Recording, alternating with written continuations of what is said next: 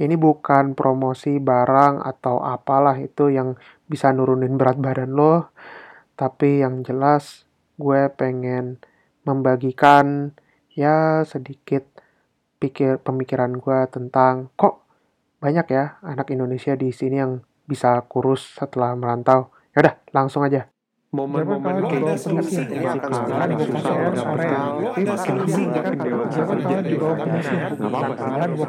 Korea.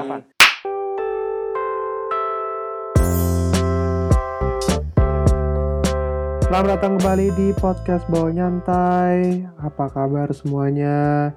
Ya, episode kemarin gue nyoba dikit-dikit pakai bahasa Inggris. Ya, sekaligus ngukur kemampuan kalau ternyata bahasa Inggris gue masih ya di bawah standar lah. Aduh, bingung juga sih kenapa gue mau aja ngerekam pakai bahasa Inggris. Ya, episode kali ini gue balik lagi ke bahasa Indonesia karena gue pikir gue lagi bingung juga sih mau ngomongin apaan. Tapi ya minggu ini paling nggak posting lah satu episode ya sekedar biar mendisiplinkan diri aja aduh tapi ini aja udah mau hari Kamis udah makin telat biasanya gue ngepost hari Selasa ya ah ya udahlah. Yang penting ngepost dulu aja. Apa kabar semuanya? Semoga baik-baik aja kalian saat ini. Mungkin sekarang kalian yang denger ini rata-rata udah pada masuk kuliah lagi atau mungkin sekarang udah balik lagi ke kegiatan atau pekerjaan semula. Ya mudah-mudahan yang betah dengerin ini semoga semuanya dilancarkan. Amin. Oke di episode ke-15 hari ini gue pengen ngomongin soal apa bener sih kalau ngerantau merantau tuh lu jadi lebih kurus? Ini cukup berdasarkan pengalaman pribadi aja nggak ada apa ya nggak ada hal-hal yang berbau saintis lah segala macem. Gue bilang kayak oh lu harus gini-gini. Nggak gue paling cuma punya teori yang emang agak ngaco aja sih buat buat nentuin apakah lo bisa kurusan di sini apa enggak. Uh, di sini maksudnya di maksudnya di perantauan gitu loh. Perantauan bukan berarti cuma ke luar negeri aja ya. Bahkan pindah kota pun yang jauh di Indonesia pun bisa dianggap merantau juga kok. Oke, okay. um, sebenarnya gue ngomongin ini karena ya gue pun lumayan turun berat badan cukup banyak dalam hampir 2 tahun ini. Kira-kira berat gue terakhir awal 2017 tuh 91, sekarang 76 ya berarti 15 kilo lah kurang lebih gue turun berat badan gue. Nah, gimana caranya berat badan gue bisa turun sebanyak itu ya nggak ada sih sebenarnya olahraga. Kalau gitu ngapain gue bikin episode ini? Nggak tapi gue cuma pengen kayak apa ya kayak nge-share trennya anak-anak Indonesia di luar negeri itu apakah mereka pas datang ke sini tuh kurusan atau mungkin malah gendutan atau apa? Jadi gini kenapa ba, apa apa ya namanya ya sebenarnya tergantung dari asupan makanan juga sih gimana secara kalau kita ambil contoh kayak di Jerman porsi makanan kan rata-rata gede banget dibanding di Indonesia. Ya biasanya sih beberapa dari kita tuh ada yang kayak tiba-tiba langsung menggendut karena emang gara-gara porsi makanan yang gede gitu. Terus juga kitanya kayak males gerak. Tapi ada juga yang kayak tanpa pengaruh porsi makanan pun juga kita bisa jadi kurusan gitu loh. Yang tadi dulu di Indonesia gendut atau apa terus jadi kurusan. Ya ini mungkin karena faktornya banyak sih. Faktor, faktor kegiatan pun antara di Indo sama di Jerman pun beda. Ya ada beberapa hal lah yang ngebedain. Kalau misalnya kalian tinggal di Jakarta atau di mana pun lah yang kebanyakan harus pakai mobil yang jelas tuh kita kalau di sini di Jerman kita tuh lebih banyak jalan kaki mau nggak mau. Ya contoh misalnya dari halte bis atau halte tram atau halte atau misalnya stasiun kereta ke rumah paling nggak mungkin jalan udah 5 sampai 10 menit.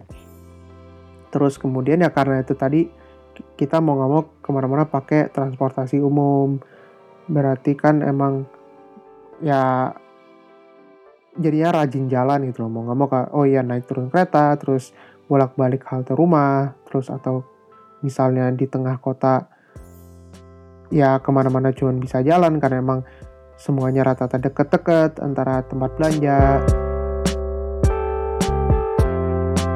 Yang ngebedain kalau di Indo kita banyak jalan pun kebanyakan di mall. Ya karena ada AC-nya kan. Kalau misalnya kita jalan kaki di luar pun ya pasti banyak yang ngeluh karena kepanasan lah atau misalnya karena gerah. Kecuali yang emang lumayan sering jalan kaki di Jakarta kadang kalau macet pun misalnya jalan kaki jauh lebih cepat dibanding kita naik mobil. Yang menurut gue itu menguntungkan banget sih.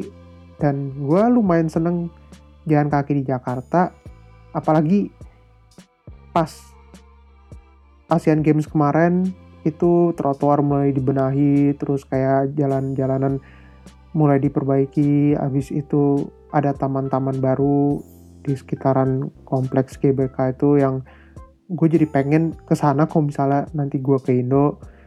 Itu menarik sih ngelihat prospek apakah orang Jakarta setelah Asian Games ini mereka makin rajin jalan kaki atau justru malah kayak ya cuman Asian Games doang kok hype-nya udah nggak ada. Ya sebenarnya masih ada sih satu lagi Paralympic eh, Asian Para Games gitu. Yang lupa dukung ya. Galak banget gue um, terus kemudian yang ngebedain lagi di sini lah kalau di luar khususnya di Jerman sama Belanda nih ya itu di kota-kota banyak kan ada jalur sepeda. Jadi ya orang yang naik sepeda tuh pasti diprioritasin lah. Maksudnya ada prioritas tersendiri oh ada jalur sepeda khusus ada jalur khusus buat sepeda maksudnya. Terus ya parkir sepeda pun banyak yang di kampus lah yang di tengah kota lah yang di tempat belanja lah. Sementara di Jakarta pun ngeliat parkir sepeda jarang banget. Kalau nggak bukan kayak di daerah-daerah tertentu misalnya kayak Kemang atau kayak di Jakarta Pusat yang atau kalau nggak kita ya contoh paling konkretnya sih CFD lah. Tapi itu pun juga sekali seminggu. Dan CFD seperti yang kalian tahu ya banyak kan orang jualan sekarang. Eh males kan ngeliatnya makanya kadang duh CFD isinya penuh-penuh penuh sama orang doang gitu. Jadi kita mau olahraga pun agak susah ya. Meskipun mungkin gue udah lama nggak CFD-an juga ya nggak lama CFD-an Bang pernah lu CFD nggak nggak nggak. Ya sama satu lagi sih namanya gaya hidup saya tuh udah jadi kayak ya umum aja gitu loh. Kayak oh iya oh gue vegetarian. Oh gue vegan. Uh, terus oh gue nggak makan daging tapi dia bukan vegetarian. Jadi ya tipikal-tipikal gaya hidup saya tuh udah udah inilah udah normal lah gitu dibanding di Indo yang paling paling bantu lu cuma nemuin vegetarian. Ya kalau lu orang nemu orang Indo yang vegan biasanya biasanya tuh kebanyakan ya paling yang emang mereka udah lama vegetarian terus mau apa naikin tantangannya jadi vegan gitu yang artinya nggak boleh minum susu nggak boleh minum produk-produk dari hewan gitulah. Yang atau ada alasan tersendiri lah. Terus kemudian yang bikin kita kurusan meskipun gue sekali lagi gue ingetin gue tidak mewakilkan mayoritas anak Indo di sini gue cuman ngelihat tren anak Indonesia yang kalau ke sini jadi lebih kurus adalah kalau kita makan di luar tuh harganya lebih mahal. Jauh dibanding di Indo. Contoh deh misalnya, lu makan di luar di Indo makan murah aja nggak usah mahal-mahal deh kayak di pinggir jalan itu sehari lu paling habis tiga kali makan 40 sampai 50 ribu. Sementara di sini sekali makan aja murah 3 sampai 5 euro. Ya kurang lebih 40 ribu sampai 80 ribu. Sekali makan itu sekali makan loh ya. Kalau tiga kali makan mungkin udah taruh 300 ribu. Dengan asumsi ya makanan paling murah. Ya kita mau nggak mau ngakalinnya untuk makan tuh ya masak. Mau nggak mau ya keluarin duit 25 euro sampai 30 euro. Itu aja udah terbilang mahal pengeluarannya untuk anak Indonesia di sini. Ya berarti tandanya kita kurang lebih untuk 3 kali 5 atau 3 kali 7 21 kali makan ya jadinya kita hemat gitu loh kalau masak. Dan belum lagi namanya masak kan kalau apalagi yang seneng masakan Indo itu masak aja udah repot masak sekali dua jam makannya cuma 10 menit. Mau nggak mau kan kurus kurus lagi. Ya udahlah jadinya otomatis kita energi udah kebuang cuma buat masak doang. Nah, buat belanjanya aja belum. Ya kita mau ngomong tadi jalan kaki lagi. Terus ya meskipun kita ya seperti yang gue jelasin di awal karena porsi makan di Jerman banyak berarti kita banyak makan juga. Tapi itu pun aja karena kebanyakan kegiatan yang tadi gue sebutin ya jalan kaki lah ya bisa sepeda lah ya ke hidup sehat lah ya itu aja jadi mau nggak mau kita jadi kayak lebih banyak ngebakar kalori dibanding kita nimbun kalori itu sendiri gitu. Terus ngomongin lagi soal makan di luar. Makan di luar di sini sama di Indonesia itu lumayan beda sih. Contoh misalnya di sini udah ada standar atau regulasi kayak misalnya restoran nggak boleh make namanya MSG atau kalau kita sebut micin lah atau ajinomoto lah.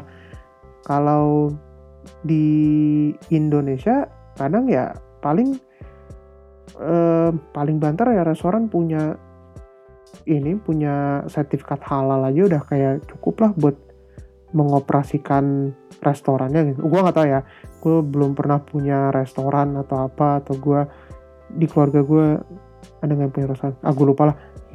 Ya aturannya tidak seketat di sini gitu loh. Kadang mau nggak mau di Jerman misalnya di sini kita di menunya pun harus ada cantumin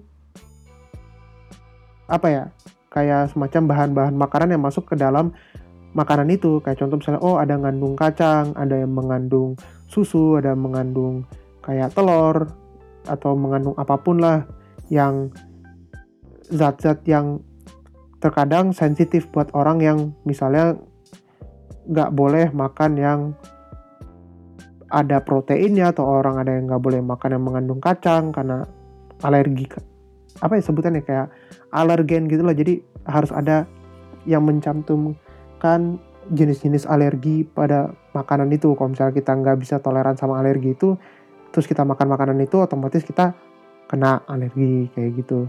Terus bahkan di beberapa kayak contoh misalnya fast food atau makanan restoran cepat saji pun ada beberapa dari mereka yang juga mereka biasanya cantumin eh, kira-kira jumlah kalori per makanan lah gitu. Dalam artian contoh per saji misalnya berapa ratus kalori gitu. Atau kayak misalnya per 100 gram berapa itu harus dicantumin secara jelas.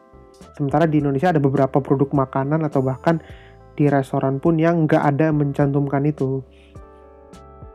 Standarisasinya udah beda lagi lah.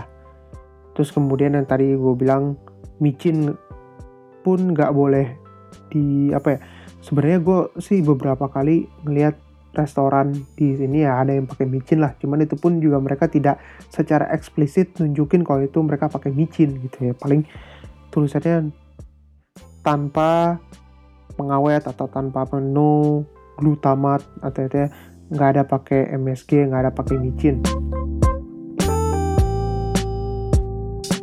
selain itu pun kita juga kayak tadi gue sih apa ya gue sih iseng kayak punya teori ya mungkin karena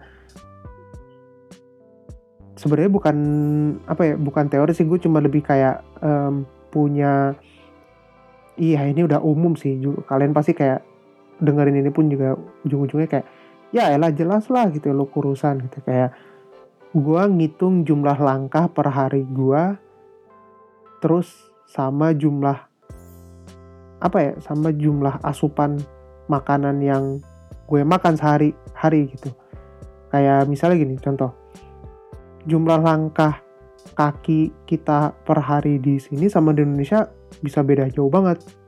Kayak contoh gue di Indonesia paling banyak pun jalan kaki kurang lebih cuma 4000 sampai 5000 langkah lah gitu. Sementara di sini gue bisa 8000 sampai 10000 langkah untuk jalan kaki. Yang menurut gue kayak tandanya kalau misalnya gue punya asumsi begini.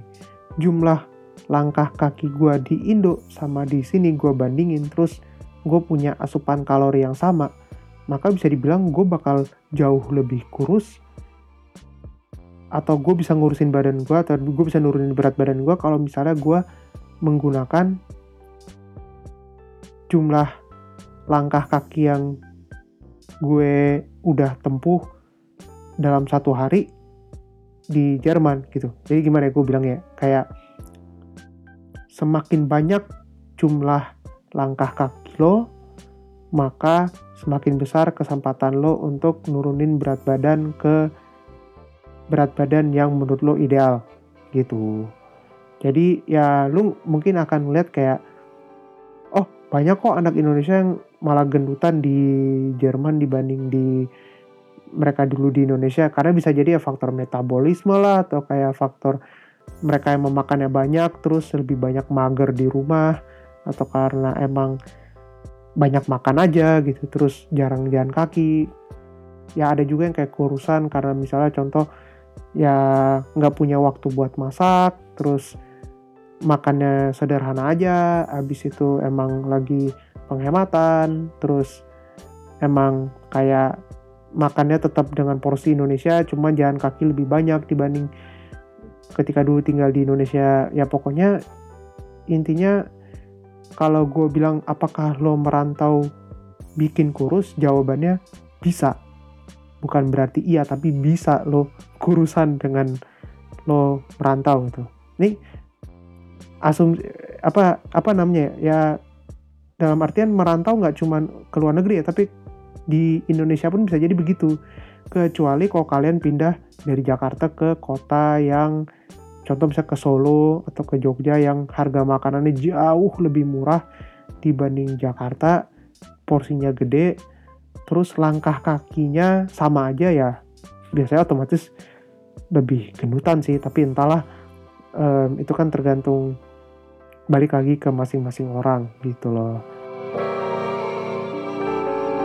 Maafkan gue untuk episode hari ini yang emang gue lagi bingung mau ngepost apaan.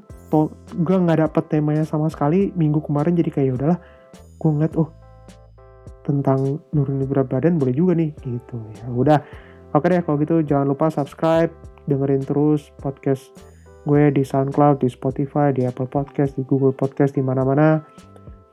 Terus jangan lupa kasih kasih kritik dan saran lewat message di SoundCloud lewat Anchor juga bisa atau email ke bawa nyantai at gmail.com b a w a n y a n t a i at, at gmail.com kalau ada yang mau ngobrol kontak aja langsung.